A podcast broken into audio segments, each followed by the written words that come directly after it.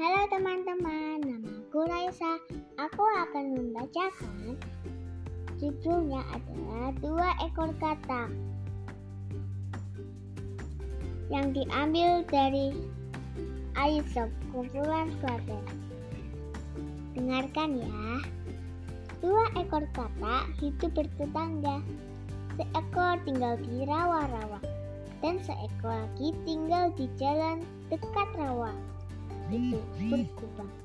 Dalam genangan air, si kata rawa memerintahkan kawannya untuk mendesakkan mendesaknya agar pindah ikut bersamanya.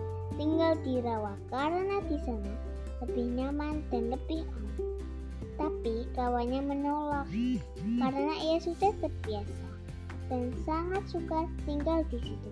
Beberapa hari kemudian, sebuah kerubuk syarat memu memuat melintasi. Keretanya masuk genangan air itu. Itu dan mengilasi si kata sampai mati.